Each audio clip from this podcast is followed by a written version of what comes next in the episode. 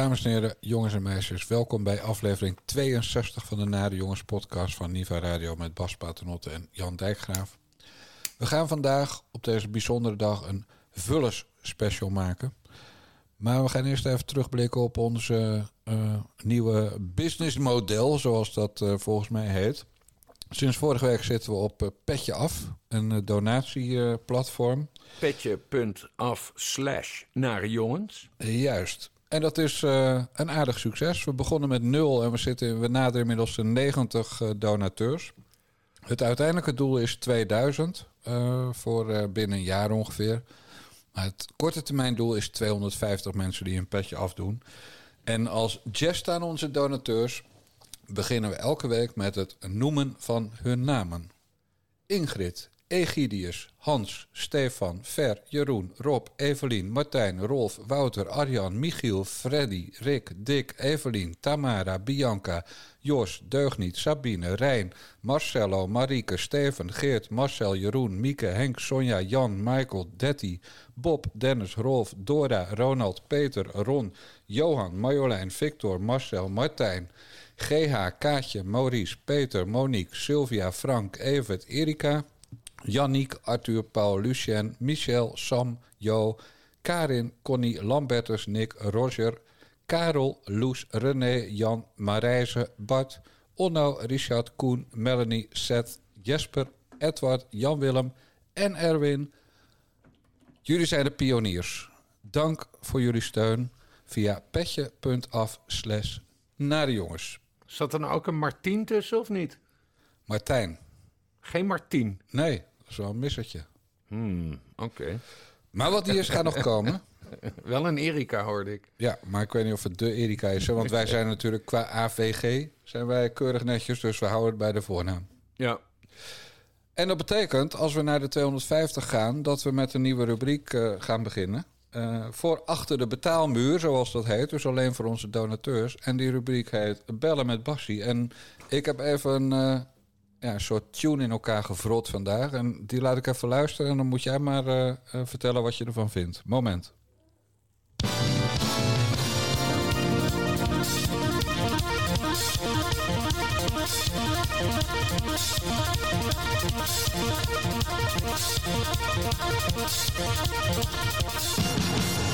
Welkom bij de Nade Jongens podcast van Niva Radio. We gaan bellen met Bassie. Nou, dan gaat de telefoon dus 480 keer over... omdat jij met je vette lijf van je woonkamer naar je studeer, studie... wat is het, bibliotheek moet wandelen. De werkkamer, telefoon moet op, werkkamer. Ja. Werkkamer, telefoon moet opnemen... want je hebt nog zo'n bakkelieten telefoon, neem ik aan. Ja. En dan gaan we die dag het hot nieuws van het moment bespreken. Het, uh, dit heet een jingle, toch? Weet ik veel. Ik vind het een hele urgente jingle. Het is echt zo'n brekend nieuws uh, jingle.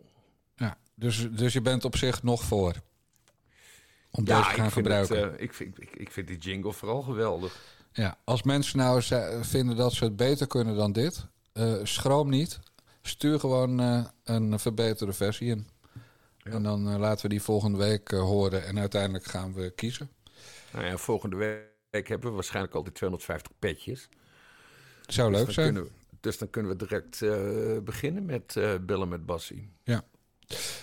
Ja, en het is Frans ook wel... Bauer, gestopt met zingen. Pas Paternotte reageert. Sigrid Kaag blijft. Bas Ja. Paternotte reageert. ja, Denzel Dumfries scoort niet. Bas Ja. Paternotte. Ja, zo gaat dat. Maar op welk moment van de dag kan ik jou het beste bellen? nee, dat laten we. Kijk, we gaan het natuurlijk actueel maken. Dus we laten dat volledig afhangen van de actualiteit. Ja, maar zoals Van Roosmalen en die, eh die, giegel, eh, die giechelnicht. eh, hoe heet die? Hij is Eh, geen nicht, maar Nee, dat weet Nou ja, hij is met Aaf Groenteman. hij is, hij is zijig. Maar hij is geen nicht volgens Nee, mij. hij is met Groenteman. Aaf Brand Kostiers. Ja. Nou, dan ben je... Dan zou ik nicht worden als dat eh, het alternatief was. Maar goed, wat is Maar dat? dat terzijde. Maar goed, die nemen dus ook niet altijd 's ochtends op. Sterker nog, die nemen zelden 's ochtends op. Hun, hun ochtendpodcast. Ja, ik ben, ik ben gek op die podcast. Want ik moet, ik, ik, echt, ik moet zo hard lachen altijd om, eh om Marcel van Roosmalen. Maar ze, ze vielen door de mand toen Rusland Oekraïne binnenviel.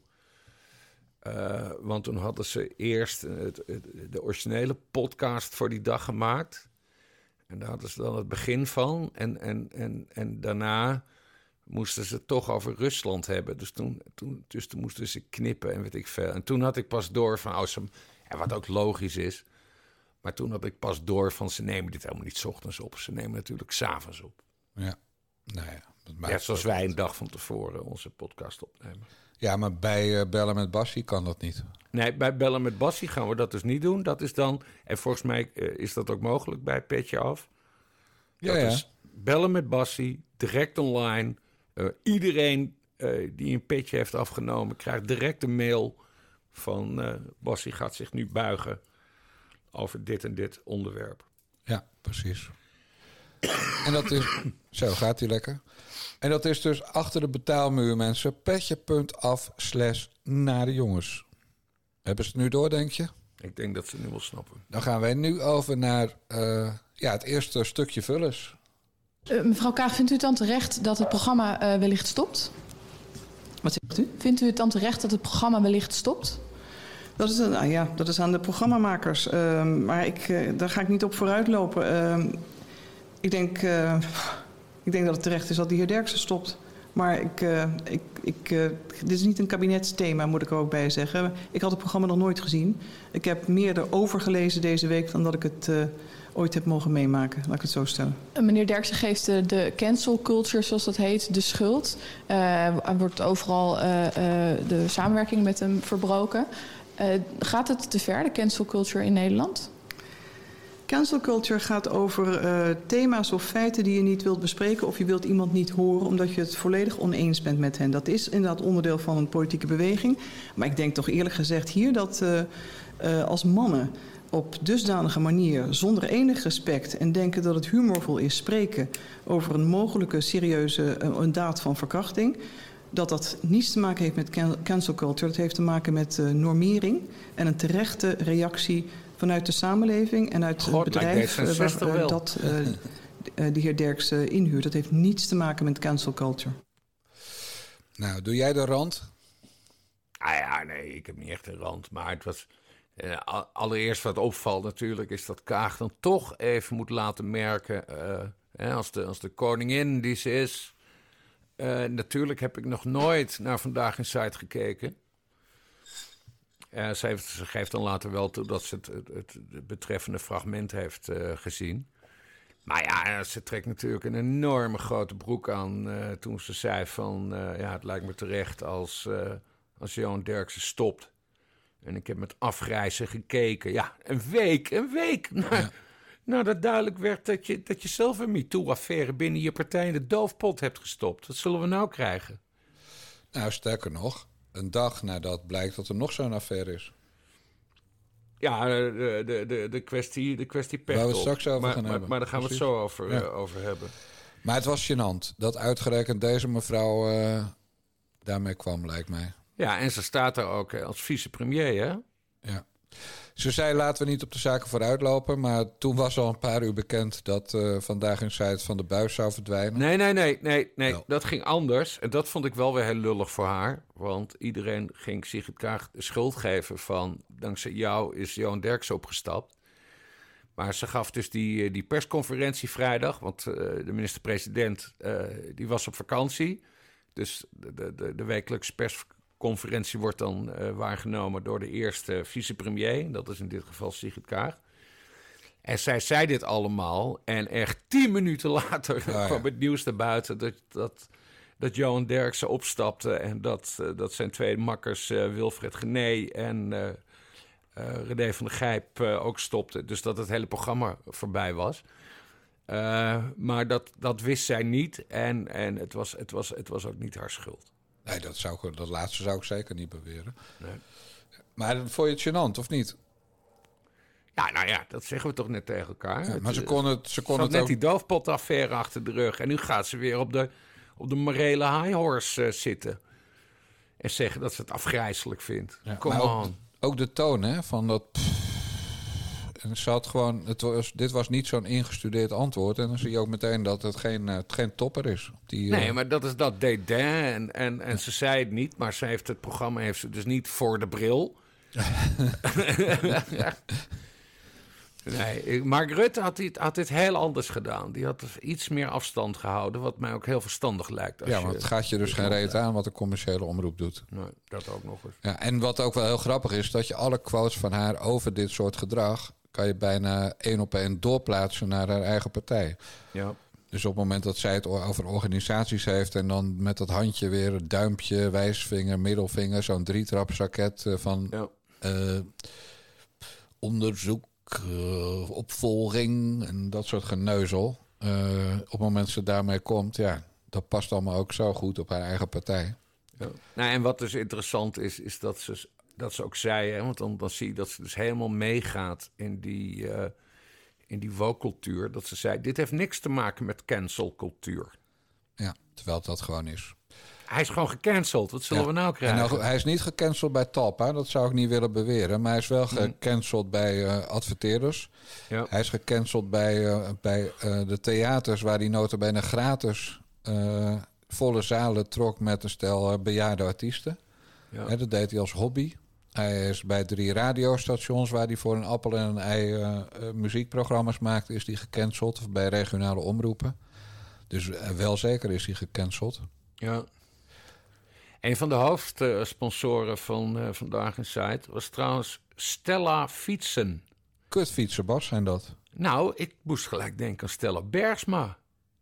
Ja, die zat in Noorwegen, las ik vandaag. Dus ik, ik was inderdaad benieuwd eh, naar haar mening. Want die, die past zij meestal aan, eh, eh, aan wat in de grachtengordel gewenst is. Hè. Dus ze wacht altijd een paar dagen met het hebben van een mening. En dan kiest ze voor de meest gangbare mening in de grachtengordel. Mm. Maar ze meldde vandaag boos dat dat heel dom van mij was, die verwachting. Want ze zat in Noorwegen. Dus ik heb weer wat geleerd. In Noorwegen hebben ze nog geen internet. Dus Stella kon geen mening vormen. Nee, maar Stella fietsen, eh, Stella e-bikes. eh, want ja, wij doen toch niet aan reclame nu we via petje.af slash naar de jongens eh, een donatiemodel hanteren. Stella fietsen zijn gewoon kutfietsen. En mensen die naar de winkel worden gelokt met advertenties met inruil en kortingen van Stella, die worden in principe genaaid waar ze bij staan. Want je komt binnen en je zegt, nou, waar kan ik mijn 800 euro korting eh, eh, krijgen? En dan blijkt het maar op een selectief aantal dure modellen te zijn. Mm. Eh, dus dat soort trucjes. En verder, ze zijn. Ik ga niet zeggen dat ze technisch slecht zijn, want daar heb ik geen verstand van. Maar als je op een e-bike van lul wil rijden, nou, neem dan een Stella e-bike. Ja. En de Toto heb, jij al, heb jij een, al een e-bike? Want, jij komt nu Natuurlijk wel heb in ik de, een e-bike. Want je komt wel in de leeftijd nu van een e-bike. Bas, ik heb van mijn zestiende, mijn verjaardag, mijn zestiende verjaardag, toen had ik een poeg met hoog stuur eh, gekocht. Eh, vanaf mijn zestiende tot vorig jaar juli heb ik echt geweigerd te fietsen. En dat heeft te maken met een verzuringsprobleem in mijn bovenbenen, in mijn lies. Mhm. Dus ik, ik verzuur echt binnen, binnen een kilometer. En vorig jaar gingen we logeren in het huis van Bob Dijkgraaf. En die woont eh, in een heel mooi fietsgebied ergens in Nederland. Mm. En, eh, of we ruilden een weekje van huis, zo moet je het zien. En toen zei mevrouw Dijkgraaf, ja, ik vind het zo jammer dat jij niet fietst. En toen dacht ik, ik ben er gezeik over dat ik niet fiets. Zo zat, ik ga een WOT e-bike, en ik word niet gesponsord door WOT, W-A-T-T is dat. Mhm. Eh, een WOT e-bike kopen, die was namelijk betaalbaar, 1400 euro. Eh, en als dan tegenvalt, dan verkoop ik hem wel weer. Maar ik ben er wijs mee, jongen. Ik, eh, ik rij gewoon regelmatig naar Lemmer om boekjes weg te brengen die mensen bij me bestellen. En hoe, hoe, wer- hoe werkt zo'n fiets? Je, je trapt, maar het wordt dan versterkt door een, door een batterij of zo. Ja, maar bij deze, omdat het een redelijk goedkoop is, is het een vrij eenvoudig systeem. En die zorgt er eigenlijk voor dat je, er zitten vier versnellingen op. En, en vanaf versnelling 2 hoef je amper te trappen. Oké. Dus ik- ja, ik ben dan wel zo sportief dat ik in principe met wind mee gewoon in de eerste versnelling rijd. Sorry, En maar wat, in wat- de... wat is dan de- de maximumsnelheid die je haalt? oh, ik heb wel boven de 40 gereden, ja. Heb je ook een helm op? Pas. Natuurlijk niet. En dat willen ze wel verplichten, hè, die moraalridders. Eh, de Stichting Wetenschappelijk, nou nog iets. De, de SWOF heet dat. Mhm. Maar echt never nooit dat deze jongen met een helm eh, gaat rijden. Mm. Dat verdom Ja. ik echt. Nee, vanaf 60 jaar willen ze dat. En in augustus is zover, hè. Dus eh, Ja. Nee, ik rijd gewoon analoog. En, eh, en eh, die hoge snelheid staat mij ook tegen. Want 40, ki- 40 eh, kilometer per uur is best wel snel hoor. ja, maar je kan ook langzamer. Ja. Dit was gasgever toen ik een keer naar Pim eh, reed. Maar ik heb om precies te zijn, want ik heb die fiets in juli gekocht vorig jaar. Toen heb ik de eerste twee dagen daar bij Bob heb ik wel ja, iets van 130 kilometer gefietst. Toen Mhm. wist ik ook dat ik inderdaad geen spek op mijn been of mijn reet heb of spieren. Dus ik moest een beter zadel, want de vellingen erbij bij wijze van spreken. Mhm. En eh, er staat inmiddels bijna 200 kilometer in totataal op. Dus Ja, ook niet zo dat ik... eh, beeldbehandeling is, is belangrijk. Ik wil ook altijd een goed zadel hebben. Daar, Ja. daar sta ik altijd op als ik een fiets koop. ja, dus ik heb een Brooks gekocht, zadel. En sindsdien ben ik gewoon heel wijs met dat ding. Is die toch zeker al tien keer uit de schuur geweest. Nou, mooi hoe dit eh, gesprek over Sigrid Kaag weer volstrekt is ontspoord naar Ja. e-bikes. Dat, eh, Stella fietsen is gewoon helemaal ruk. Maar we hadden het over dat cancelen. Eh, een onderbelicht aspect, wat eigenlijk door een gast in regel in talkshows, Lam heet die geloof ik, zo'n Amerika-deskundige. hm. Nou, ik weet niet, nou, een of andere gozer kwam, het, kwam het naar buiten dat, dat Jinek en op één, zeg maar de concurrenten die heel veel last hadden van vandaag in site qua kijkcijfers, dat die razend fanatiek waren in het eh, eh, zwart maken van en dus niet nuanceren van, eh, van Johan Derksen. En met name Bert Huisjes, de coördinator van op 1 hè, namens WNL leidt hij het ook als die andere omroepen de beurt hebben. Met name Bert Huisjes schijnt de volgende dag op de radio, dus de dag nadat Derksen die uitspraken deed, we heel erg op het orgel eh, te zijn gegaan met dat Derksen niet meer kan en zo.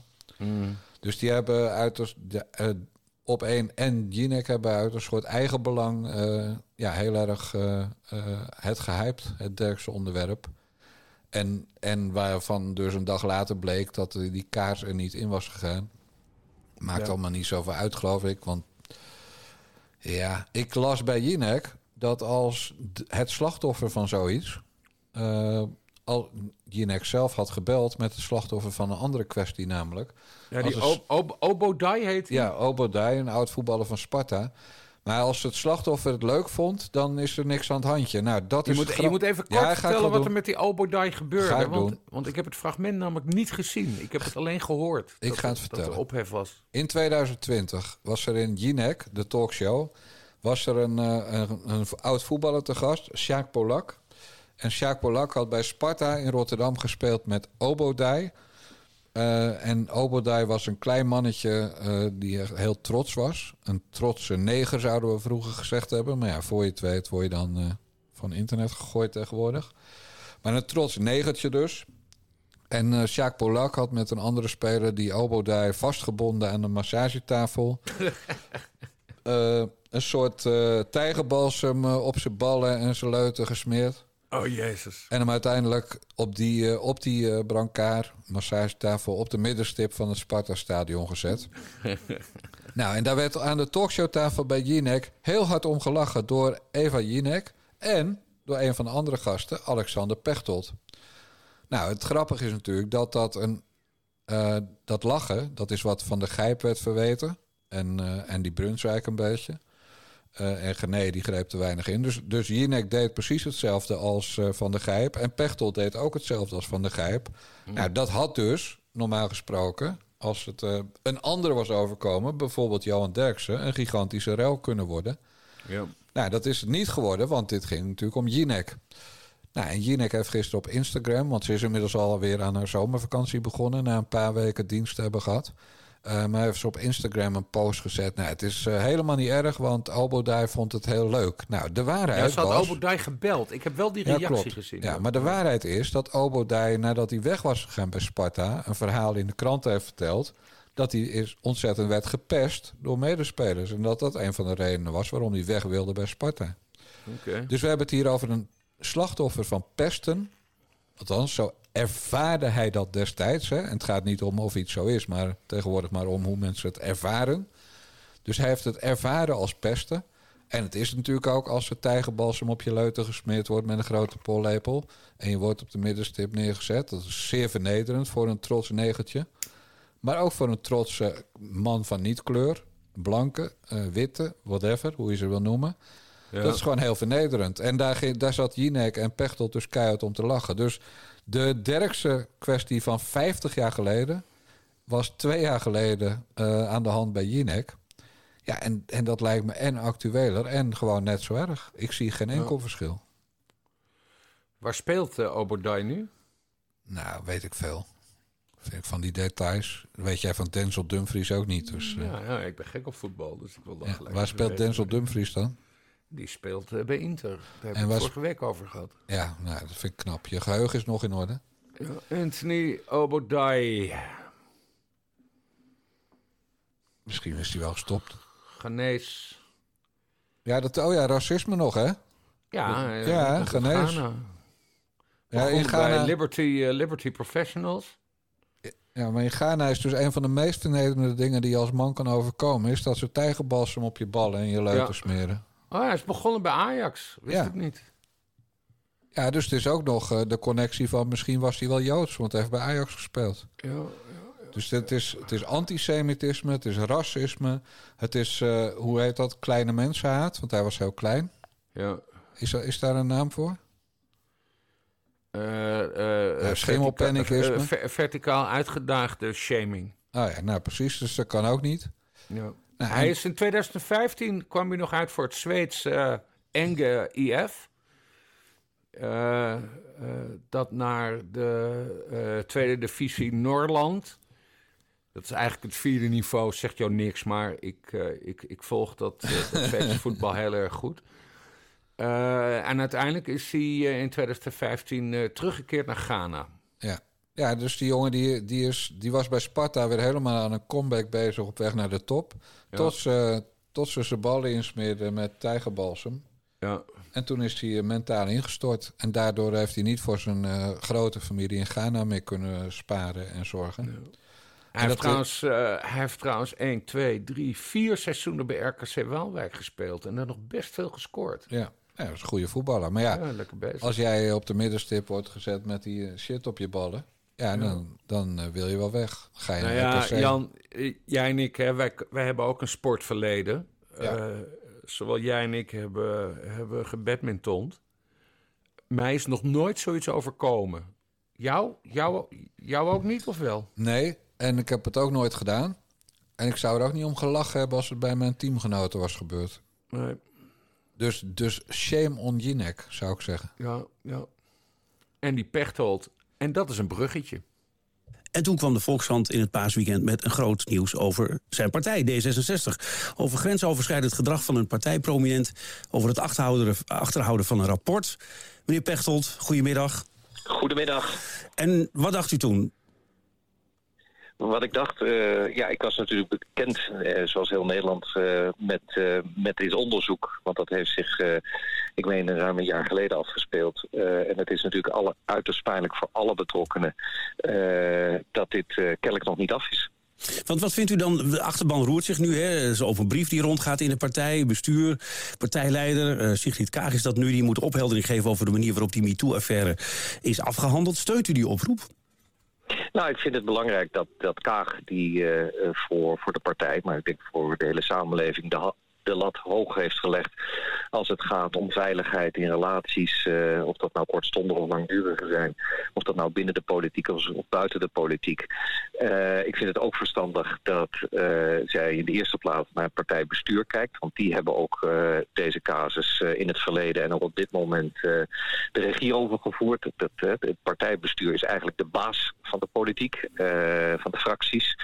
Uh, en, en, maar er is natuurlijk wel afstemming. En ik hoop dat ze uh, vrijdag met, uh, met een helder verhaal komen ja. voor alle betrokkenen. In, in dat stuk werd u ook genoemd. Hè? Want het is, wat ik zei het al, het is onder uw, ja, onder uw partijleiderschap gebeurd. Voelt u zich daar nog geroepen om daar iets over te zeggen?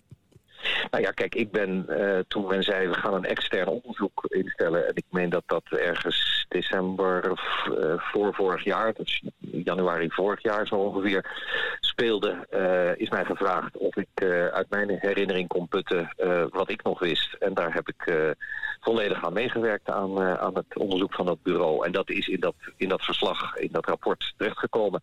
En, en een eventuele tweede bijlage heb ik ook nooit gezien. Wij moeten het over Alexander Pechtold zelf hebben, Bas. Nou ja, dames, het is zo jammer dat die geheime bijlage niet bekend is. Want misschien wordt Alexander Pechtold daar wel in genoemd. Nee, dat wordt hij niet.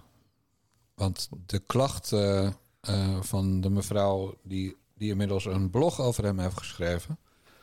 eh, die klacht eh, wordt niet in behandeling genomen omdat ze geen lid meer is van D66. Nee, maar we weten dat in dat geheime rapport eh, over 19 personen wordt gesproken. Ja. Dus misschien komt Alexander Pechtold daar wel in voor. Ik heb goed, contact... Hij, hij, eh, hij doet dezelfde, hij volgt dezelfde lijn als Sigrid Kaag. Ik ken dat geheime rapport niet, dus Nee. ik kan er niks over zeggen. Hè, de, eh, hij ja, maakte wel een fout hè, daarin. Natuurlijk is er wel afstemming. Zei je letterlijk. Oké, En dat is precies wat iedereen weet. En wat hij dus toegeeft. En wat Kaag eigenlijk nooit toegaf. Er is afstemming. Maar Ja. voor de mensen die niet op de hoogte zijn, zal ik het even kort vertellen. vertel het maar even, Jan. Er is dus vorige week een blog verschenen van een oud lid van D66 die, die beweert, een mevrouw, die beweert verkracht te zijn door Alexander Pechtold. En die beweert ook dat Alexander Pechtold en zijn twee magere mannetjes, Daan en Roy, als ik het uit mijn hoofd goed zeg, eh, dat die alles eh, neukten wat los en vast zat. En dat ze lijstjes bijhielden waarop ze de dames scores gaven voor hun prestaties in bed. De zogenaamde Banga-lijsten van eh studentenkoor in Groningen. Daar, zouden Alexander Pechtold en zijn twee magere mannetjes zich dus schuldig aan hebben gemaakt. Die mevrouw heeft een klacht ingediend bij D66 waarmee niks is gebeurd. Nou, inmiddels heeft D66 eh, de procedure eh, verbeterd. En eh, de opvolging ook. Eh, dus Winnie Zorgdrager is voorzitter van een clubje dat zich bezighoudt met integriteit en waar mensen terecht kunnen met klachten. Maar een grappig detail is dat je alleen maar klacht kan indienen als je lid bent van D66. Ja. En die mevrouw heeft na die ervaring met Pechtold, die ze gehad zegt te hebben, haar lidmaatschap opgezegd. Want zij wilde geen lid blijven van een partij waarin de grote baas, want dat speelde in de tijd dat hij partijleider was, waarin de grote baas zelf een verkrachter zou zijn. Nou, en dat hele verhaal, wat trouwens naar buiten is gebracht door Joost Vullings van Eén Vandaag, hè, dus niet door een, eh, een eh, extreem rechts bloggertje of zo. Eh, maar dat verhaal, dat is volledig ondergesneeuwd bij de hele Derks-affaire. ja. En dat is een grote schande. En ik vind dat wij van, het Naar de Jongens, eh, eh, van de Naar de Jongens podcast... hier onze nieuwe Soumaya-zaak van moeten maken. Dat wij hier nader in gaan duiken. Ja, en ik Ja. heb inmiddels al contact opgenomen met eh, de betreffende mevrouw. Dus wij zijn on mailing terms, zoals dat heet. Dat meen je niet. Jawel. Oké. Want ik, je weet eh, dat als ik, als ik fanatiek ben, dan ben ik ook echt fanatiek. En dan ga ik me ergens in vastbijten. Ja. Nee, want ik was, ik was namelijk een beetje terughoudend in deze kwestie. Eh, ook al één. Dat, dat eh, Joost Vullings het, het meldde op Radio 1. Dat was volgens mij op Radio 1. Klopt. Dat geeft wel aan dat er iets aan de hand is. Hè, hij is ook voorzitter van de, de, de parlementaire persvereniging. Of hij zit in het bestuur van Nieuwsport. Weet ik niet. 1, 2, 3. Maar als Joost Vullings zoiets meldt, dan is het wel serieus. Tegelijkertijd dacht ik van ja, een anoniem blogje is natuurlijk heel makkelijk geschreven. Hè? Eh, die, die, die, die, die kwestie van drimmelen begon met een anoniem blog. Maar daar stond zoveel informatie in dat mensen het wel serieus moesten nemen. En dit, ik vond het toch een beetje te makkelijk opgeschreven. Terwijl we weten dat Pechtold niet deugt. Hè? Dat was die kwestie met die mevrouw... oh, hoe heet ze? Lok. Ja, Lok. Uit Emmen, uit eh, Nee, Meppel. Uit, uit Meppel. ja. Gemeenteraadslid Anne Lok uit Meppel, die die dwong tot een abortus. Ja. Probeerde te dwingen tot een abortus. Eh, die die eh, ja, een topadvocaat op het dak stuurde toen ze met de pers sprak. Namelijk Koen Steuperty. Eh, dus ja, dat zijn typische trucjes van machtige mannen. Die, die maken iemand gewoon juridisch kapot als, eh, als ze hun zin willen hebben. Ja. Nee, dus daarom alleen al heeft hij de schijn tegen. En wat die mevrouw doet, is gewoon andere vrouwen oproepen om zich ook te melden. Ja. En dan gezamenlijk gaat te gaan optreden. En Oké, Bas, nu even terug, even terug naar de kern. Jij hebt dus contact met de vrouw die Alexander Pechtold beschuldigt van verkrachting. theoretisch kan het natuurlijk ook een man zijn. Ja. Want dat weet je niet via de mail, maar ik heb mailcontact inmiddels, ja. Oké, nou dan gaan we weer induiken. Ja, want eh, Kijk, het is inmiddels zo dat op het moment dat, je, dat iemand dat over jou schrijft... en het is echt niet waar... dan zit je, zeker als je eerder al Steuperty hebt ingeschakeld... en je ziet hoe Van Drimmelen ook heeft geprobeerd... Uh, het Volkskrant-artikel tegen te houden... Ja. in die D66-kring is gewoon ge- gejuridiseerd. Dus op het moment dat over Pechtold zo'n blog verschijnt... dan kan hij ervoor kiezen met het is allemaal gelul... Er is eh, eh, nog geen begin van eh, rook, laat staan vuur. Dus fuck it. Dat kan, maar dat zou in zijn geval past dan niet helemaal bij zijn verdere gedrag, bijvoorbeeld met mevrouw Lok. Dus wat zou, zou voor de hand liggen als het echt niet waar is? Ja, dat is sue her. Stap om, eh, eh, zorg dat dat blog verwijderd wordt van internet. Hè? Dat kan. Ja. Eh, laat uitvinden, laat de politie uitzoeken wie het is. Doe een smaad- en lasteraanklacht. Nou, de hele riedel. Ja. Maar dat gebeurt allemaal niet. Nee, ze zijn al met z'n allen op Derksen gedoken. Inclusief de partijleider van D66 in haar rol van vicepremier. Ja, nee, dat is de, dat is de massa voor Pechtold op Ja. dit moment. Maar dan heeft hij dus buiten de nare jongens gerekend. Ja, want de media hebben die vraag dus ook niet gesteld aan Nee. Dus Vullings heeft eh, zeg maar het steentje in de vijver gegooid en daarna is stil geworden. En we weten ook waarom, want wij hebben ook die ouderwetse opleiding gehad. Anoniem blog, één bron is geen bron. Nou, je kent al die kutsmoezen wel. Maar dat gold eigenlijk voor Van Drimmel ook. En toen Nee, zijn... maar, maar dat zei ik net al. Hè? Het, het zegt wel wat dat Vullings eh, het toch te berde heeft gebracht. Ja, dat klopt. Alleen door de.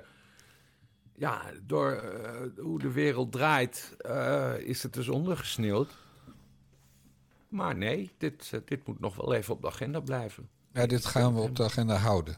Ja. Net zolang tot duidelijk is. En Bas, één ding. Dit gaat er naar de jongens.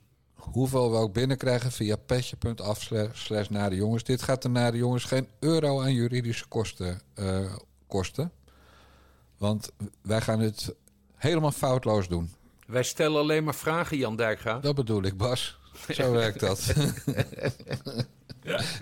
we stellen heel veel vragen bij Alexander Pechtold. Ja. En eh, eh, wordt vervolgd. Ja, wordt vervolgd. Heel Leuk goed. hè? Ja. Eh, de mensen die nu eh, die, die volle 1 minuut 50 van Pechtold net hebben gehoord... die snappen inmiddels wel waarom dit de Vullers special van de Na de Jongens podcast is. Want tot nu toe hebben jullie alleen maar Vullers gehoord. Maar het kan nog erger. What is at stake for the moment is the liberal, democratic European model that is under attack from inside and from outside. That is at stake. And so, if we look to the question convention or treaty change, that needs to be our goal. Are we ready for the new world order of tomorrow? And the answer for the moment is not totally. Nou, het slechte Engels heeft iedereen wel herkend wie dit is. Guy Verhofstadt. Dat Engels is echt tragisch, hè? Ja, dat is nog slechter dan dat voor mij. En dat wil wat zeggen. Nee, Al van Rutte. Ja, nou ja. Het is echt heel erg. Maar het is vooral dat ordinaire schreeuwerige van die teringleier. Hij schreeuwt altijd. Hij schreeuwt Dat altijd. bedoel ik. Het is verschrikkelijk. Ja. Maar goed, wat is nou de nieuwe wereldorde die Guy, Guy Verhofstadt voor zich ziet? Ja, maar dat vroeg ik mij af. Wat bedoelt hij met de nieuwe wereld, de Echt? New World Ga Order? ik je vertellen. Bedoelt hij zijn New World Order of wordt ons een andere New World Order opgelegd? Dit is die, eh, die hij graag wil vanuit Europa. Ja, hè? Maar je moet even terug naar het begin. Er was een soort burgerconsultatie in heel Europa. ja. En daar, me- dat merkten wij pas toen het in Maastricht aan de gang was. En daar zaten natuurlijk allemaal van die hippe Volt-jongeren... en D66-kinderen en VVD-kakketjes. En die waren allemaal heel erg voor een aantal dingen. En met name één ding, en dat is het groot Europese Rijk... waar ik me echt al jaren tegen verzet. Ja. En waar we ingerommeld worden met steeds grotere vaart. En waar had Verhofstadt het nou eh, specifiek over in dit geval?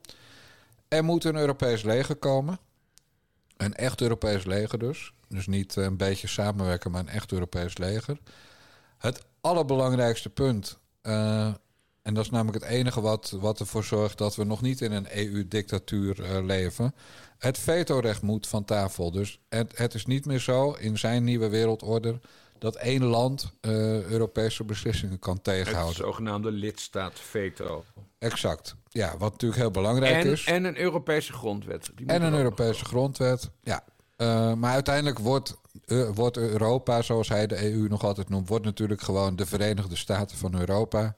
Ja. De landen worden provincies, de provincies worden dorpjes. En eh, wij gaan in het noorden ons helemaal scheel betalen aan, eh, aan het zuiden. Eh, Ja. Maar wat ook bijvoorbeeld speelt op dit moment is dat de EU even beslist dat er allerlei arbeidsmigranten nodig zijn uit landen als Marokko. Nou, wat natuurlijk bullshit is, hè? want van de Somalische asielzoekers bijvoorbeeld loopt 70% in de bijstand. Volgens CBS-cijfers. Dus er is helemaal geen tekort aan werkpotentieel, dus een tekort aan werkwillig potentieel. Ja. En dan moeten gewoon allemaal maar eh, Afrikanen gaan komen. Nou, dat is gewoon ongelooflijk vragen om ellende. En ook Ja, dat maar wordt... dat, dat, is, het- dat, is, dat is een uitspraak van de Europees Commissievoorzitter eh vrouw eh, van der Leyen. Ja. Ja, maar die is ook voor... en de- daar heeft ze ook wel kritiek op gekregen hoor. Dat ze, dat ze wel een hele grote broek eh, heeft aangetrokken. Bas, er is kritiek op alles, maar ondertussen gaat het door. In het verdrag van. Marrakesh staat gewoon dat mensen die vluchten voor de hitte in Afrika... eh, net zo belangrijk zijn als oorlogsvluchtelingen of mensen die vluchten omdat Exact, ze het, meningen het kunnen verdrag van Marrakesh, wat inmiddels al voor de tweede keer verlengd is. Dat is iedereen vergeten. Dat was een discussie van een paar jaar terug. Maar daar heeft dit eh, natuurlijk mee te maken. En eh Verhofstadt, dat even voor de achtergrond voor de luisteraar... omdat wij onze luisteraars altijd mooi eh, bijpraten...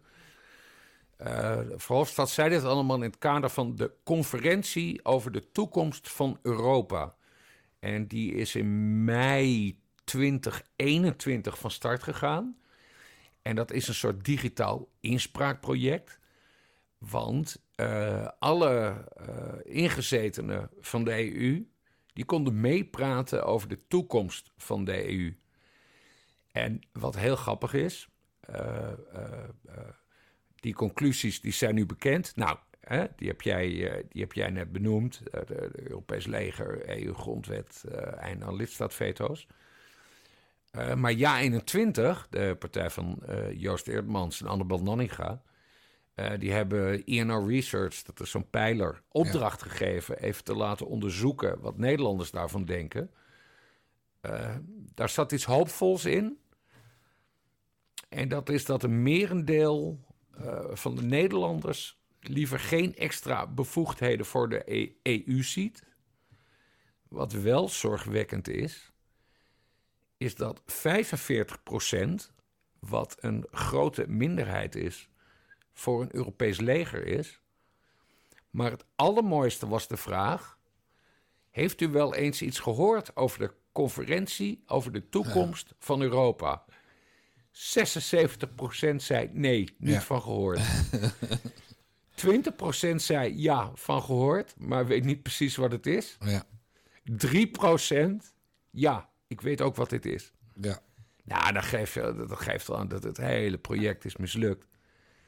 En de raderen in, eh, in Brussel en Straatsburg, ja, die draaien heel traag natuurlijk. Dus ik denk ook ik, ik denk niet dat we bak moeten zijn dat er heel snel lidstaatveto's, een EU-grondwet en Europees leger worden ingevoerd. Maar ja, het is wel tekenend. Ja, Dit het- zijn de dingen die in Brussel eh, en eh, Straatsburg gebeuren. En Guy Verhofstadt is hier extreem fan van. Ja. En het voordeel van het vetorecht is dat er een veto kan worden uitgesproken op eh, het stoppen met het vetorecht, toch? Dus, dus om het vetorecht op te, af te schaffen, moeten alle landen het daarmee eens zijn. Ja. Dus dat, dat- Oh, dat is wel, oh, dat is wel een grappige. Ja, stel dat ze dat gaan voorleggen. Ja. Dan kan iemand een veto uitspreken. ja, dan, dus in die zin is het heel fijn als Hongarije nog een tijdje in de EU blijft of in Polen. Ja. Als je tenminste tegen opheffing van het vetorecht bent. En als je daar niet tegen bent, dan accepteer je het groot Europese Rijk waarin Frankrijk en Duitsland de dienst uitmaken. Nou ja, dat is, dat is, dat is, dat is dus het probleem van Verhofstadt. Ik, ik, ja, ja, je hebt het altijd over het grote Europese Rijk, wat natuurlijk een soort Godwin is. Ik ben daar zelf nooit zo'n voorstander van, als genuanceerde man. Maar eh, die, dat fragment wat je net liet horen, en, en mensen kunnen het ook gewoon terugvinden. En dan heb je er ook video bij. Die man is zo eng fanatiek. Dat is, is bijna niet gezond. Nee, het is een volksmanner. Ik- En, en ja, ik mag dus geen Godwin meer doen, maar hij had zo ergens op de Veluwe op een bepaalde muur kunnen staan. Om het eens een keer niet over Hitler zelf te hebben. De muur van Mussert. Juist. juist. Ja, maar zo'n man, het is gewoon echt een hele smerig volksmenner. En we weten ook Ja. nog waar hij eh, een paar jaar geleden met Hans van Balen stond. Ja, toen ze op het, eh, op, op het Maidanplein in, eh, in Kiev. Stonden. Ja. Ja, ook, eh, ook het volk op te hitsen. Ja. En de Oekraïners ook ophitsen, hè? Oh ja, precies. Ja, Ja. dat volk bedoel ik. Over de Oekraïners gesproken. Hoe kijk jij aan tegen het feit dat sommige gemeenten op 4 mei, dat is dus vandaag, want als wij dit live zetten, op 4 mei niet alleen het Nederlandse volkslied, na de dodenherdenking willen spelen, maar ook het Oekraïense volkslied? Het is niet mijn oorlog. We hebben het daar eerder over gehad. En het is overduidelijk dat Rusland de agressor is. Oekraïne het slachtoffer. Daar, daar niemand, behalve dan Thierry Baudet, eh, eh, eh, ziet, dat, ziet dat anders. Maar het is gewoon niet mijn oorlog. En, en we gaan sowieso niet die Oekraïners betrekken bij onze dodenherdenking. Die toch al zo ver is uitgebreid.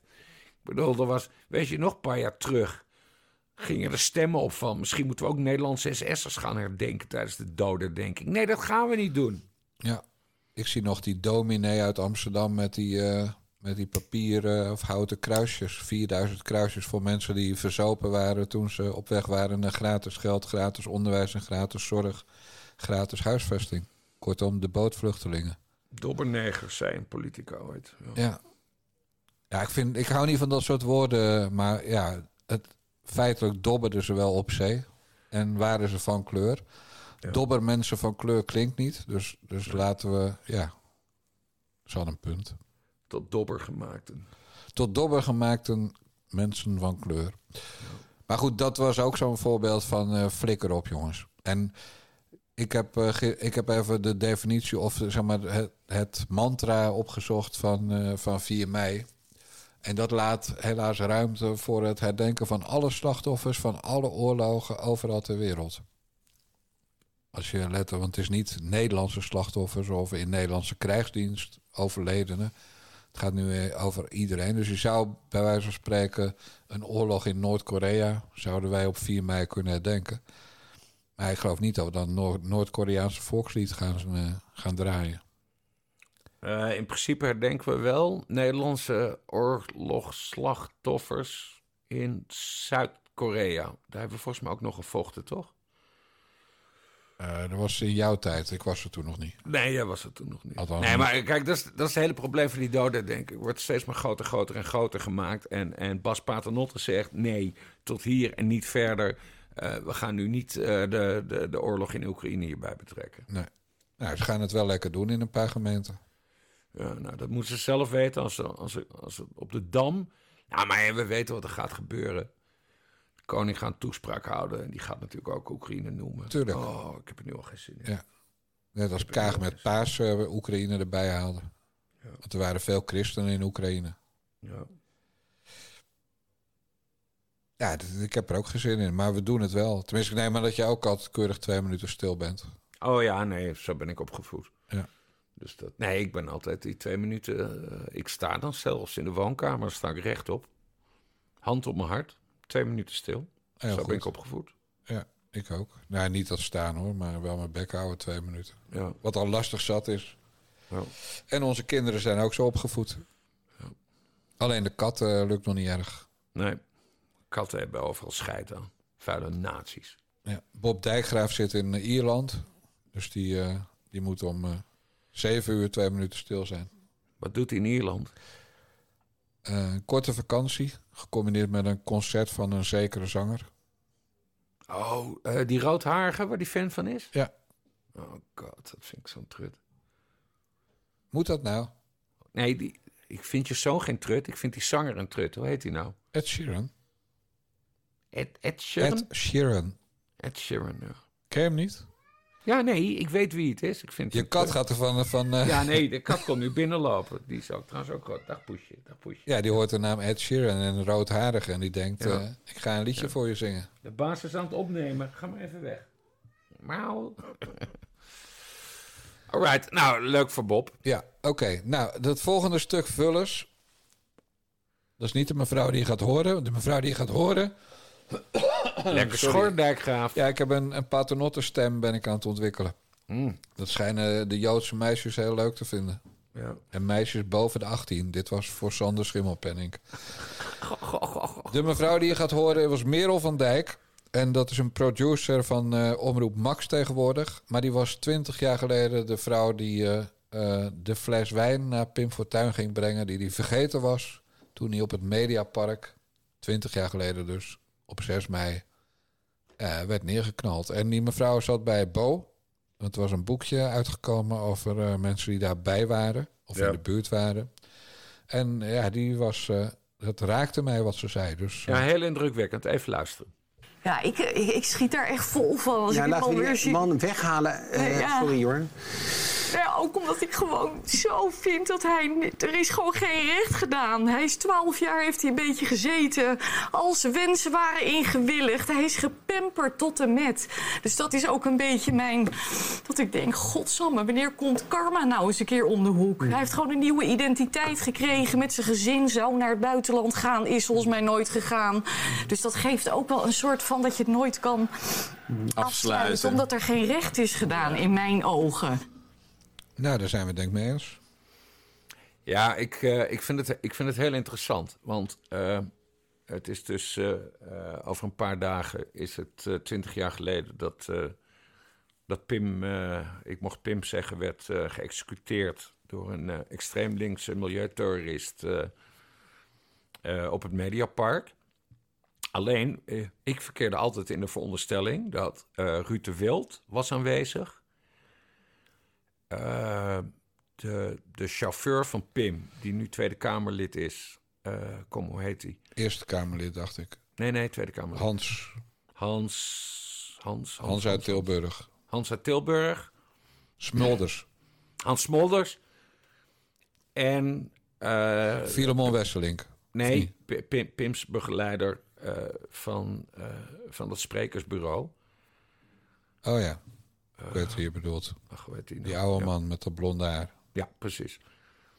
Maar er waren dus nog veel meer mensen bij. Eh, ik had nog nooit van Merel van Dijk gehoord. Maar Merel van Dijk was erbij. Er was ook een andere mevrouw. Shirley. We moeten echt haar achternaam noemen hoor. Dat vind ik belangrijk. Oh, waarom hebben we dit niet even van tevoren opgezocht? Ja, we. Jij bent van de namen.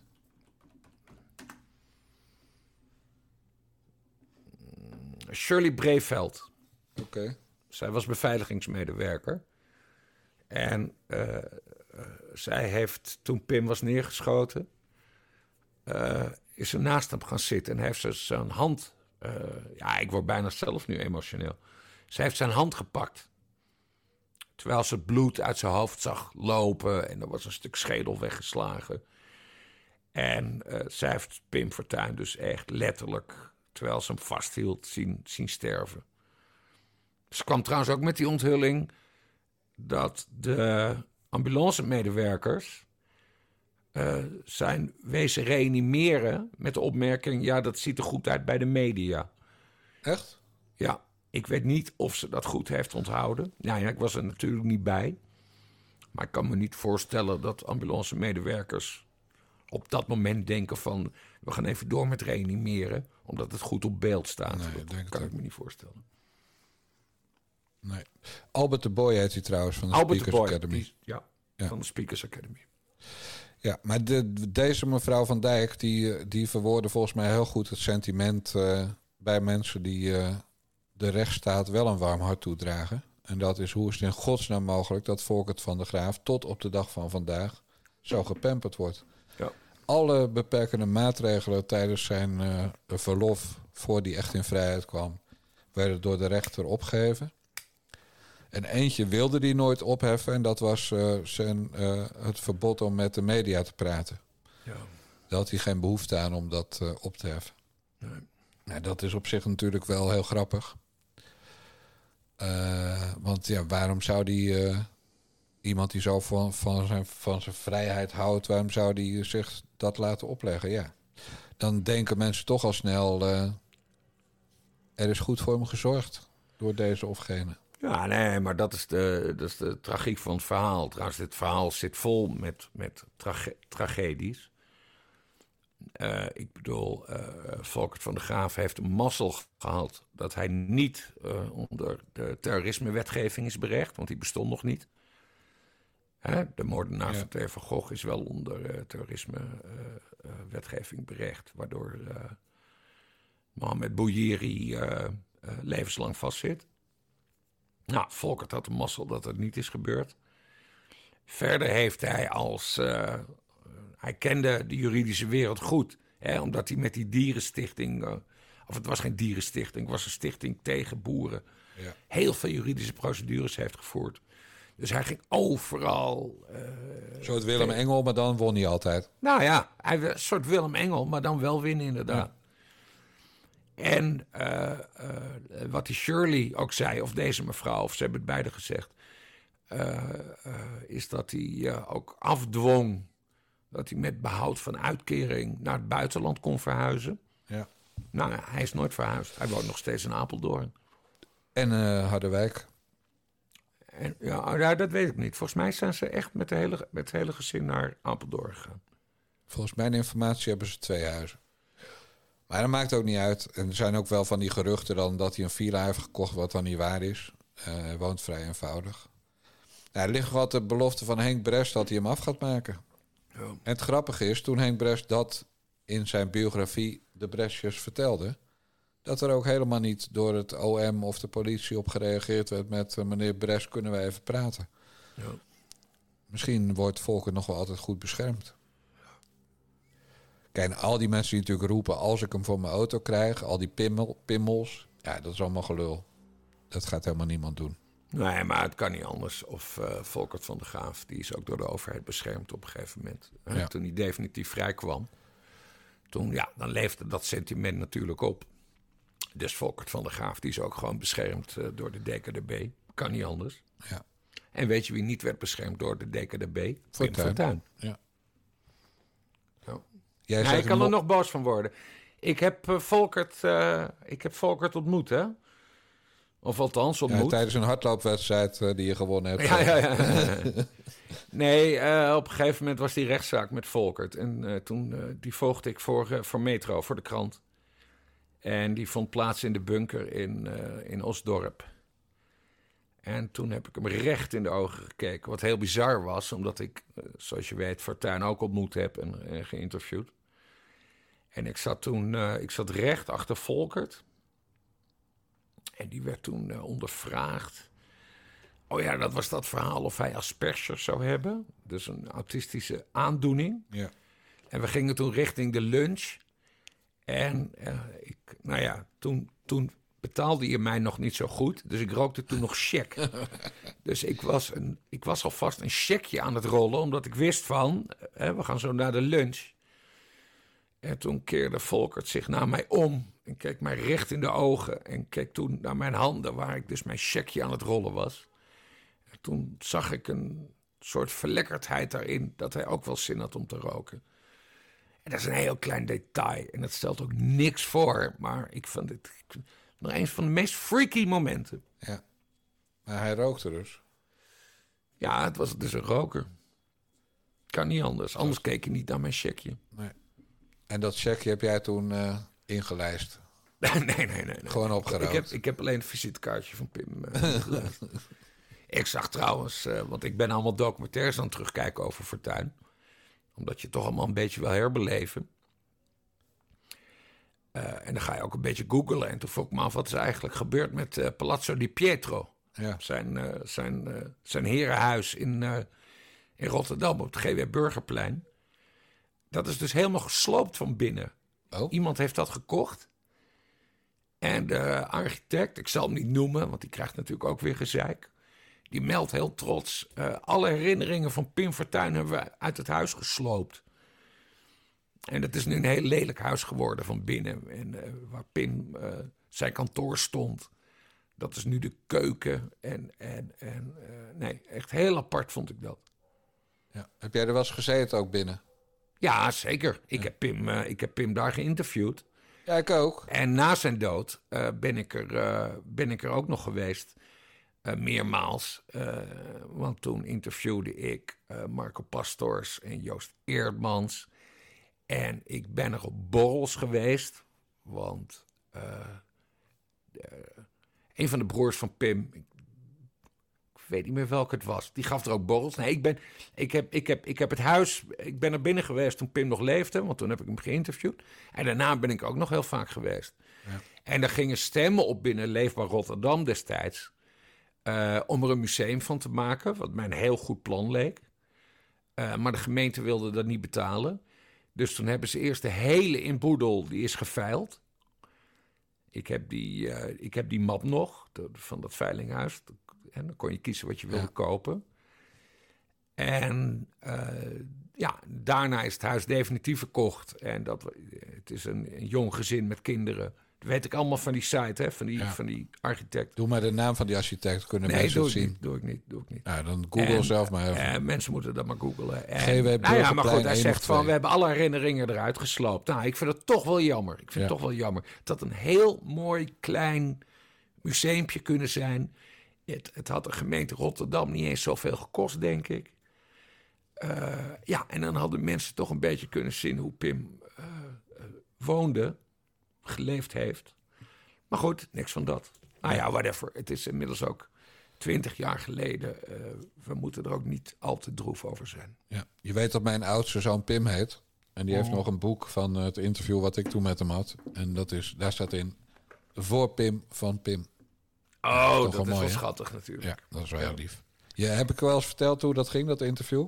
Ik weet dat jij met, eh Met Nick Stalker. vriend Nick daar hebt gezeten. En dat je, nou, jij was ook kaal. Ja. Maar dat ook. Nick eh, zich ook kaal had laten scheren. Omdat dat mooi deed op beeld. Ja. Precies. En Fortuyn had... Dus eh, Nick had een bruine hassers en dan zo'n hele witte badmuts. Omdat Oh. hij, dat er geen zon was gekomen op die plek waar zijn haar was weggeschoren. En Fortuyn had echt helemaal niks door. Nee, dat was... en toen was trouwens die serie interviews... Voor Panorama was dat. En dat was niet het favoriete blad van politici in die tijd.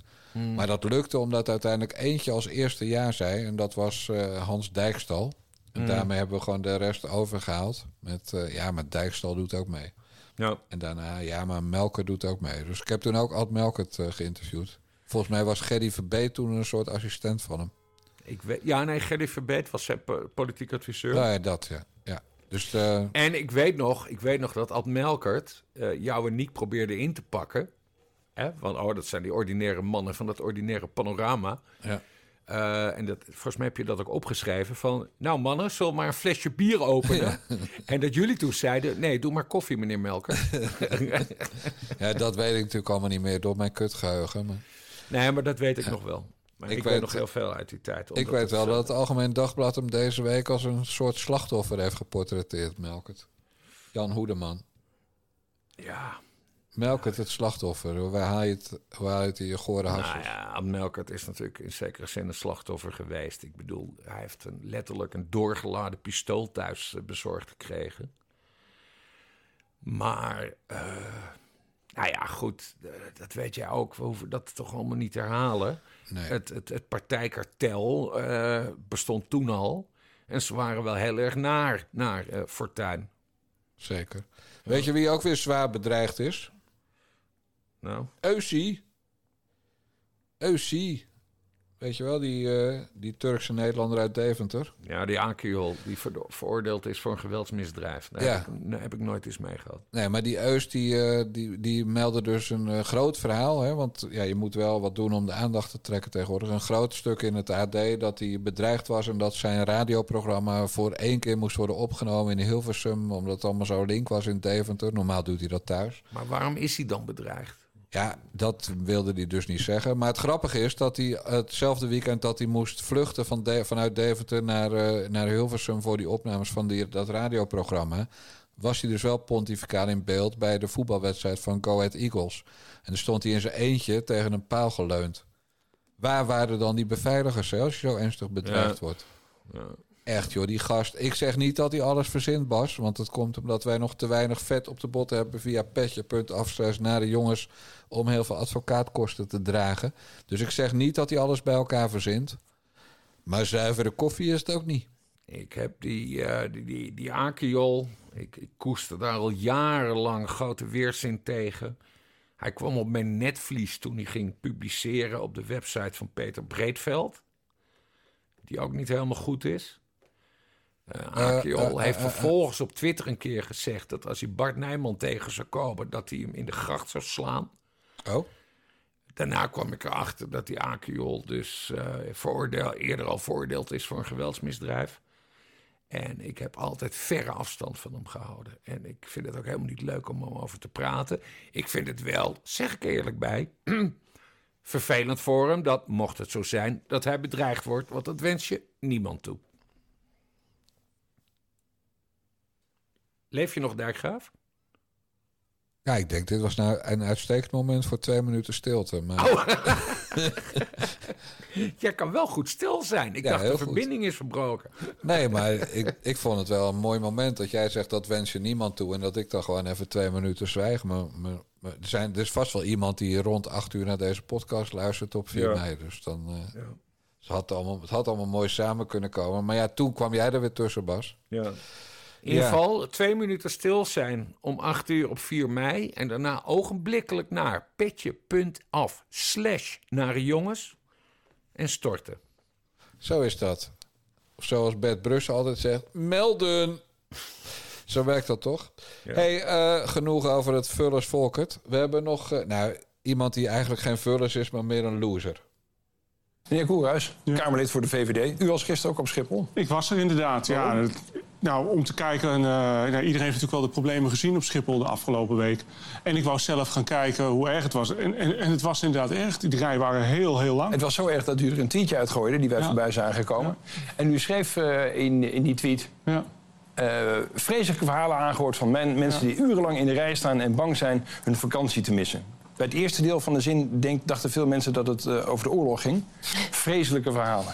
Nou, dat- dit gaat over eh, die mensen die er in de rij staan. Ja, ik, ik heb een eh, huilend gezin uit Leeuwarden gezien met drie kinderen... die bang waren hun, eh, hun vakantie te missen. Ja. Nou, dat vind ik echt erg als ik dat zie. Ja.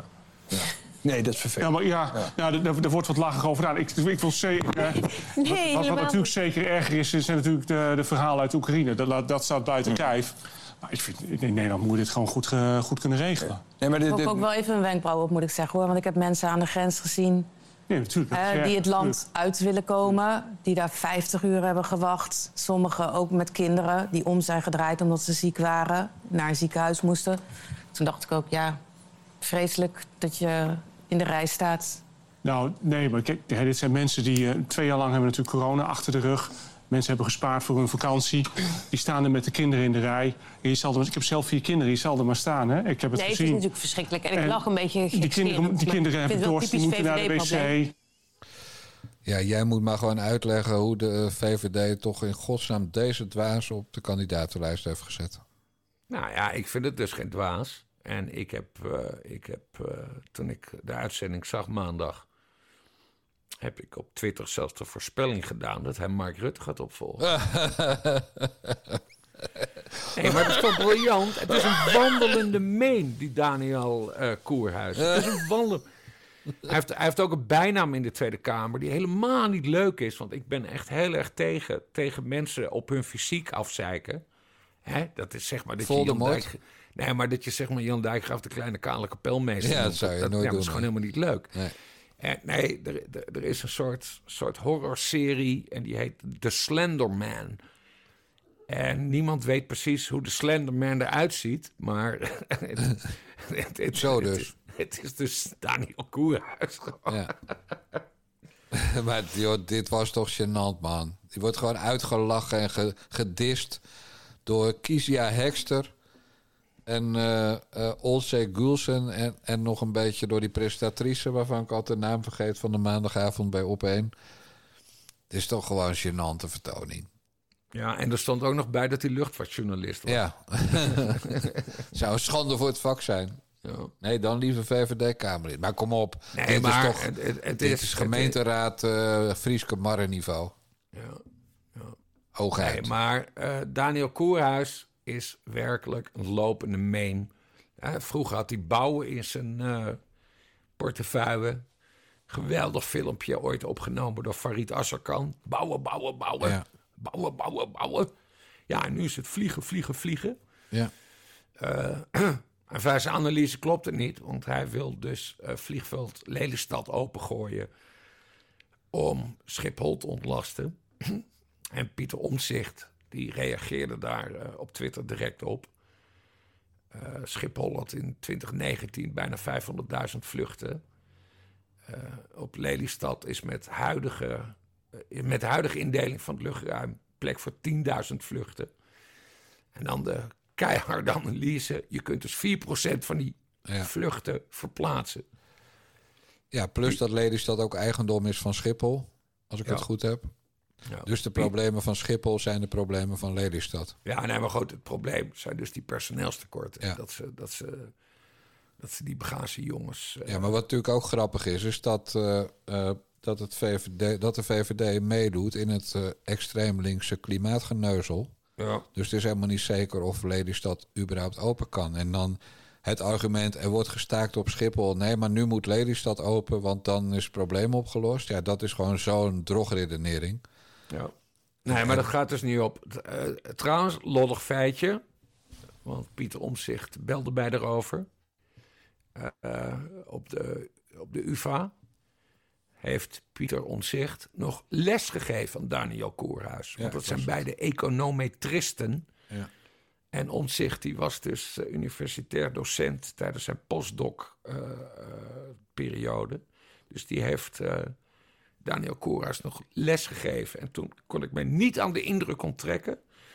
dat econometristen toch wel een apart slagvolk is. Ja, maar dat wilde ik net aan je vragen. Is er ooit onderzoek gedaan naar de correlatie tussen eh, mensen die econometrie studeren en autisme? Want dan zou het verklaren waarom die zo, zich zo voor schut liet zetten bij Opeen. En waarom die inderdaad. die Nee, je moet, je moet altijd oppassen met de beschuldiging van autisme. Het is geen beschuldiging. En eh, ik bedoel, ik weet dat jij in het verleden er ook van bent. eh, nee. Ik Ik heb- denk dat je autist bent, toch? Ik heb toevallig zaterdagavond nog gehoord dat er is een of andere methode met streepjes om te bepalen hoe autistisch mensen zijn. En dat ik eh 100% zeker een autist ben. Volgens Ja. die streepjesmethode. Dus, dus je mag me daarvan beschuldigen. Maar ik vind dat ook. Autist zijn is ook geen misdrijf. Zoals het verkrachten van vrouwen en het bijhouden van banga-lijstjes dat wel is. Ja. Om even het over eh, een andere schrijver van boeken te hebben. Ja. Bijhouden van bangenlijstjes is trouwens wel een vorm van autisme, denk ik. Van ik moet het opschrijven. Ik moet, het, ik moet er een lijstje van maken. Ja, denk je dat dat eh, bij eh, het vermeende geval van Pechtold het geval zal zijn geweest? Ja, weet ik veel. Nee, gewoon Ik trots, man. maar geintje. Ik maak ook maar Maar wat zien die wijven trouwens in Alexander Pechtold? Is gewoon een enge man. Nee, ik heb hem vaak ontmoet. Het is een hele charmante man. Het is een voorvoetloper. Het is sowieso een voorvoetloper. Mensen moeten hem even terugluisteren. Een van de 60 afleveringen, wat dat precies is. Het is absoluut een voorvoetloper. Maar het is ook een hele charmante, innemende man. Ja, toch op, man. Jawel, ik heb hem vaak ontmoet. Ja, ik- ik heb hem ook een keer aan de lijn gehad. getrapt. Ik ben erin getrapt, Dijkgraaf. Ik niet, ik heb hem aan de lijn gehad. Toen, eh, toen in Tripoli het vliegtuig was neergedonderd. En er zogenaamd een eh, campagnestop was. Meneer Dijkgraaf, hoe gaan wij dit morgen brengen op televisie? Letterlijk citaat. Ja. Hij had gewoon in de campagnestop geregeld dat hij bij Dagknevel en Van der Brink eh, welkom was. Ja. Met mij. Nee, maar... Nee, maar nee, Teringleier make no, gewoon. make, make no mistake. Alexander Pechtold is een lul. Dat verhaal heb ik hier wel, wel vaker verteld. Dat hij, mij, dat hij mij aan het afzeiken was over dat hij burgemeester van Utrecht wilde worden. En dat, dat Ja. ik dat ze- bedacht zou hebben, wat allemaal gelul was. Nee, het is een eikel. Alexander Pechtold is een naar mens. Maar charmant in de omgang. En zo pakt hij mannen en vrouwen in. Dat en als hij er niet in kan pakken, dan... Ja, nee, dan draait hij zich om en is hij weg. Ja. Nou, dat bedoelde ik niet helemaal, maar ik ben blij dat je deze juridische hobbel zonder schade hebt genomen voor ons.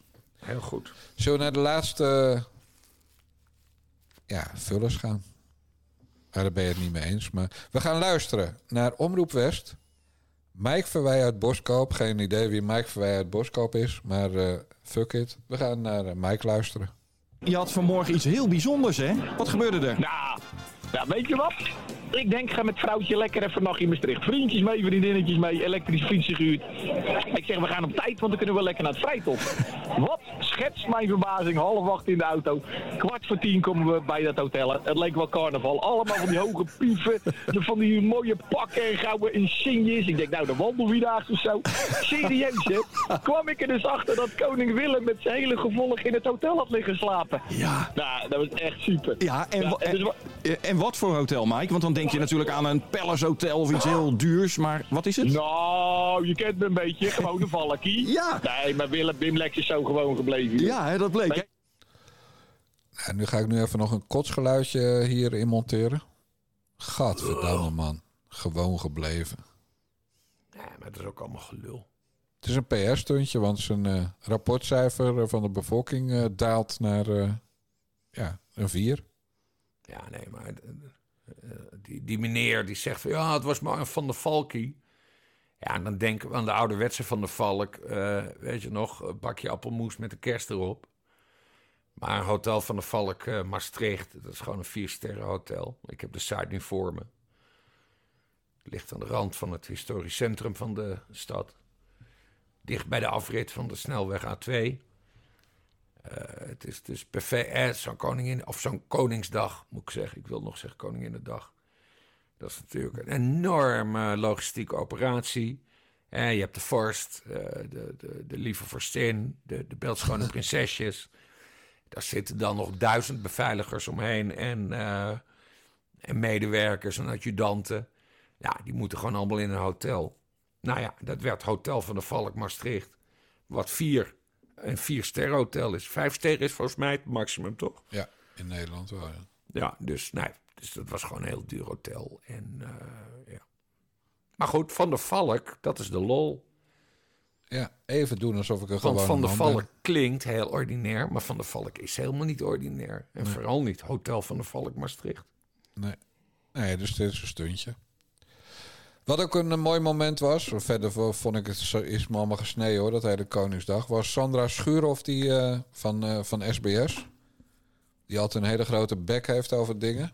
Eh, die, eh, die interviewde dat stel. En die, die vroeg aan de jongste dochter, hoe oud is dat, is dat meisje? Ariane, 15? Geen idee. Maar ze stelde een vraag en ze had het over u. Ja. Ja, ik bedoel, ik, ik wil het even bij jou toetsen. Ik denk als vrouw van rond de 40 noem je een grietje van 15 dus gewoon never nooit u. Eh, van de hele koninklijke familie heb ik alleen één keer eh, prinses toen nog en nu koningin Maxima mogen ontmoeten. Toen heb ik keurig u gezegd. Koninklijke hoogheid en weet ik veel wat erbij hoorde. En als ik eh, koninklijk huisverslaggever was, dan zou ik denk ik toch, ook al is het alleen maar om het sprookje in leven te houden, de jongste prinses Ariane eh, ook gewoon eh, u een koninklijke hoogheid noemen. En bij welke leeftijd houdt dat dan op? Bij 11, bij 9, bij 6, bij 3? Nee, waar, waar het begint bedoel je? Nee. Zou je een vijfjarige koninklijke hoogheid en u noemen? Ja, nou, dat bedoel ik. Ja, dat zou ik denk ik Dat ook zou, doen. dus, dus waar ligt voor jou de grens? Wanneer begint dat u? Nou, geen grens, gewoon vanaf de geboorte. Is Ja, het, dus, eh, dus, eh, dus Willem en eh, Maxima, jij komt Willem en Maxima tegen. Nou, als je bij Maxima verbaas je je eerst over die berg haar op de armen. En die gigantisch grote voeten voor een vrouw. Maar als je over die verbazing bent bekomen en je bek hebt kunnen houden, dan, dan toont zij de wieg. Of de, de kinderwagen, daar ligt dan Ariane van één. En dan, goh, wat een schoonheid bent u, koninklijke hoogheid. Zeg jij dan tegen dat meisje van één. Ja, ja, ik zou zelfs de, hoera, hoera, hoera roepen, denk ik. Dat, ja. Zou je ook nog het eh, volkslied gaan zingen of zo? Ja, nou, ik ben echt, ik, dat weet jij, ik ben extreem kritisch over de Oranjes. En ik heb er ook heel veel over geschreven. Met name over het dossier Edwin de Roy van Zuiderwijn. Die volledig verneukt is door het Huis van Oranje.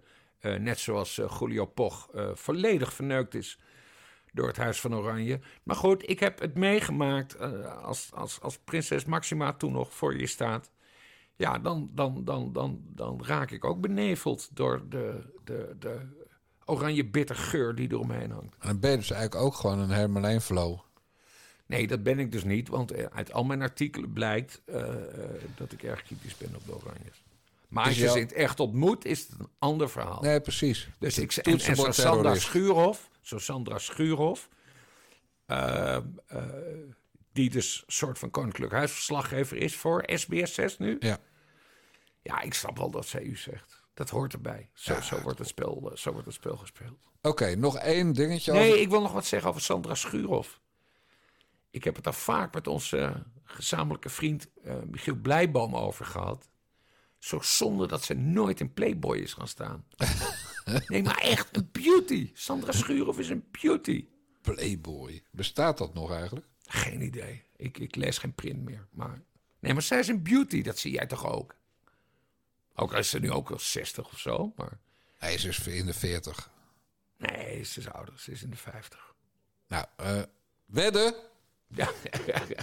Dus jij zegt ouder dan 50 en ik zeg Nee, we gaan niet 40 meer en wedden. We 50. gaan niet meer wedden. We gaan niet Nee, meer maar we gaan het wel even checken. We, bedoel, we, willen, willen de luisteraars eh, van de Nare Jongens podcast niet achterlaten met... eh, dat, dat iedereen heel erg eh, benieuwd is van ja, hoe oud is nou Sandra Schuurhoff. Maar ik gok op 43. 13 november 1971. Ze is dus 50. Bas Paternotte heeft weer eens gelijk. 49. Oh ja, 50. Ja, Bas, 50. je hebt gelijk. Nee, voor een 50-jarige ziet ze er buiten gewoon goed uit. Maar ja, ik vind dat ook wel een soort van seksisme. Als we vrouwen gaan beoordelen op hun uiterlijk. Ja, maar het is gewoon een lekker wijf. Ze is echt heel knap. Ze is fotomodellen knap, is ze. Wanneer denk je eigenlijk dat wij gecanceld gaan worden? Want jij, Eh, als jij nu ook al waarschijnlijk begint met lekker deze, wijf... Waarschijnlijk na deze aflevering. Je kan, dan kan jij toch niet zeggen, man. Lekker wijf. Die, die is één handshake away van, het hele, van de hele koninklijke familie. Ja, ze heeft ook op de school van journalistiek gezeten, zie ik nu. Maar dat was dan voor mijn tijd, anders had ik het wel Ja, ze is, eh, ze is nog ouder dan jij. Ja. Nee hoor, die Nee, ziet er nog goed hoor. uit. Ze is echt heel knap met het donkere haar. Ik vind dat- wel verf inmiddels, maar... Ja, maar als je, bedoel, als je dan toch leuk bent, en weet ik het al, dan ga je toch niet u tegen dat gietje zeggen. En dat, kijk, wat die schimmelpenning deed, hè, die andere vriend van jou, dat kan niet, hè? Van de lekkerste, van de prinsesjes. Dat is weer het andere uiterste. Dat is Ja, daar ordinair. heeft hij ook uitgebreid zijn excuses voor Dat aangeboden. maakt me helemaal niks uit. Dat is gewoon ordinair. Overigens, voor de mensen die een hekel hebben aan Sander Schimmelpenning... adviseer ik om naar de laatste zelfspodcast te luisteren. Want toen ik eh, nieuwe moestuinbak aan het, aan het maken was in onze tuin... heb ik allerlei podcasts beluisterd. En Sander Schimmelpenning die is daar heel erg expliciet over... de reclame die hij maakt voor die bank. Eh, Mm. En toen noemt hij zichzelf weer... ik ben journalist. En het gaat er, ja, uiteindelijk zegt hij gewoon... ik ben ongelooflijke zakkenvuller, maar... Ja, ik moet wel helemaal achter het doel staan en ze moeten de boel niet belazeren en zo. Maar het is een onthutsend inkijkje in de geest van Sander. Ik vul mijn zakken pe- schimmelpenning.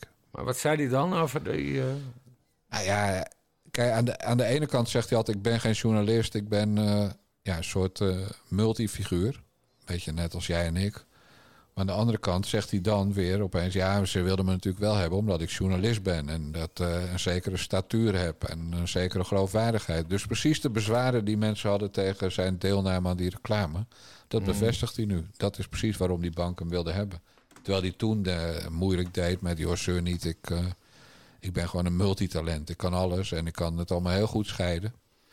Maar Nou, hij, maakte, hij vind maakte dus reclame voor Brand New Day. En dat is niet zozeer een bank. Het is meer een, Pensioen, dat? eh, een pensioen- pensioenboer. Ja. En ik was daar gelijk eh, geïnteresseerd in. Omdat ik een pensioen gehad heb van... eh, nou, dat gaat terug tot, eh, tot, tot, Ja. tot vorige eeuw. Eh, en dus ik heb dat toen bij mijn boekhouder gevraagd. En die zei van, nou, dat Brand New Day, dat is best wel een, eh, een optie voor jou. Eh, het probleem is wel, ik kan dus Sander Schimmelpenningse podcast niet meer luisteren, ook al ben ik wel abonnee. En dat komt omdat jij en ik nu dus bij petje.af slash nare jongens zitten. Maar Schimmelpenning zijn zelfpodcast, die zit, zat ook bij Petje Af. Maar omdat wij dus nu ons eigen account hebben, kan ik niet meer in mijn oude account. Oh zo. Ja, en, en ondertussen zijn Schimmelpenning en zijn vriend weer overgestapt naar Po- Po- Podimo Podi- van Podimo. Alexander Klupping. Podimo. En dat moet ik nog overzetten. Maar ik loop dus echt nu twee weken achter met podcast. Dus Ja, en dat Podimo, dat, dat is eigenlijk een betaalkanaal. Maar die zenden dus ook gewoon een Naar de Jongens podcast uit. En daar krijgen wij geen cent voor. Zo krijgen wij daar geen cent Ja, daar voor. krijgen we geen cent voor. Het is, het is eigenlijk een soort Spotify, maar dan eh, nieuw. En dat heet Podimo. Dus ze flikkeren gewoon alles erop. En als wij Ja, maar je moet meer- toch betalen voor Podimo om te kunnen luisteren? Exact. Dus, Dus mensen, mensen, die betalen voor Podimo en dan kunnen ze gratis de ons- Jongens podcast. Ja, ook ons beluisteren. Dus, dus het is ook heel goed dat we via petje.af slash naar de jongens toch hebben gekozen voor... we gaan leuke dingen doen achter de betaalmuur voor onze donateurs. Eh, want anders kunnen al die Podimo-lui gratis mee profiteren. Terwijl dat geld dan naar Alexander Klupping gaat. En naar Sander Schimmelpenning. En eh, naar Yvonne Kolderweijer. Dus eh, de Juice mevrouw. Ja. Die schijnt ook in onderhandeling te zijn met Podimo onthulde Klupping. Nou, dan heb ik een onthulling nu. Bas Paternotte gaat een factuur sturen aan Podimo. Oh, We kunnen toch zaak. niet gratis onze podcast achter een betaalmuur zetten? Nee, het is geen betaalmuur, het is een abonnementsysteem. Ja, En een abonnementsysteem, whatever. Je moet betalen en dan krijg je ons er gratis bij. Daar komt het op neer. Ja, En dat is toch onrecht? Ja, Bas, je weet dat ik niet in geld geïnteresseerd ben. Nee, Maar, ik eh, wel. Maar ja, ga, er, ga erachteraan zou ik zeggen. En eh, net als het WOP-verzoek aan Dylan. eh, Je komt erop terug, denk ik. Ja. Oké, Dus. dus. we hebben nu twee zaken Lopen. waar we op terugkomen. Allereerst eh, eh, Alexander Pechtold en de mogelijke verkrachting. Wat we ook wel de nieuwe Somaya-zaak noemen. En het tweede project is... Geld van waarom- Podimo. Waarom zendt Podimo onze podcast uit en verdienen ze er geld aan en krijgen wij niks? Ja, dat tweede is, is niet zo belangrijk als eh, de Soumaya 2-kwestie met Alexander Pechtold. Nou, als je mijn portefeuille komt, dan, dan dat is echt voor mij direct het belang. Hey, we krijgen trouwens hele leuke reacties. Tot, tot, tot slot wil ik die toch even oplezen. Want dat is ook weer een voordeel van petje af. Naar de, eh, petje.af slash naar de jongens. Dat mensen kunnen reageren op de website. Koen die meldt fijn om een ander geluid de op de actualiteiten te horen. Ik hoop dat er nog vele petjes afgenomen zullen worden... en dat jullie voorlopig doorgaan met de podcast. Nou, reken maar Koen. Toch, Bas? Ja, dat is de spirit. Ja, Karel die zegt... Ja, ik ga voor petje af 40 euro per jaar. Ik had voor mezelf de keuze piep of naar de jongens... maar ga toch voor de gezelligheid van jullie toekomstige podcast. Groet, Karel.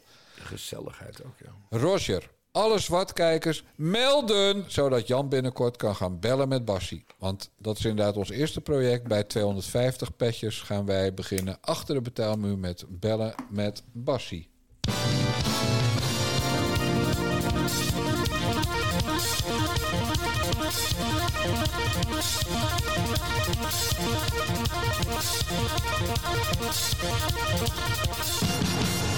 Welkom bij de Na de Jongens podcast van Niva Radio. We gaan bellen met Bassie. Het is echt zo'n geweldige jingle, Dijkgraaf. Nou, dat dus. Dan Heb je hebben we dit zelf gecomponeerd of koop je dit dan ergens in?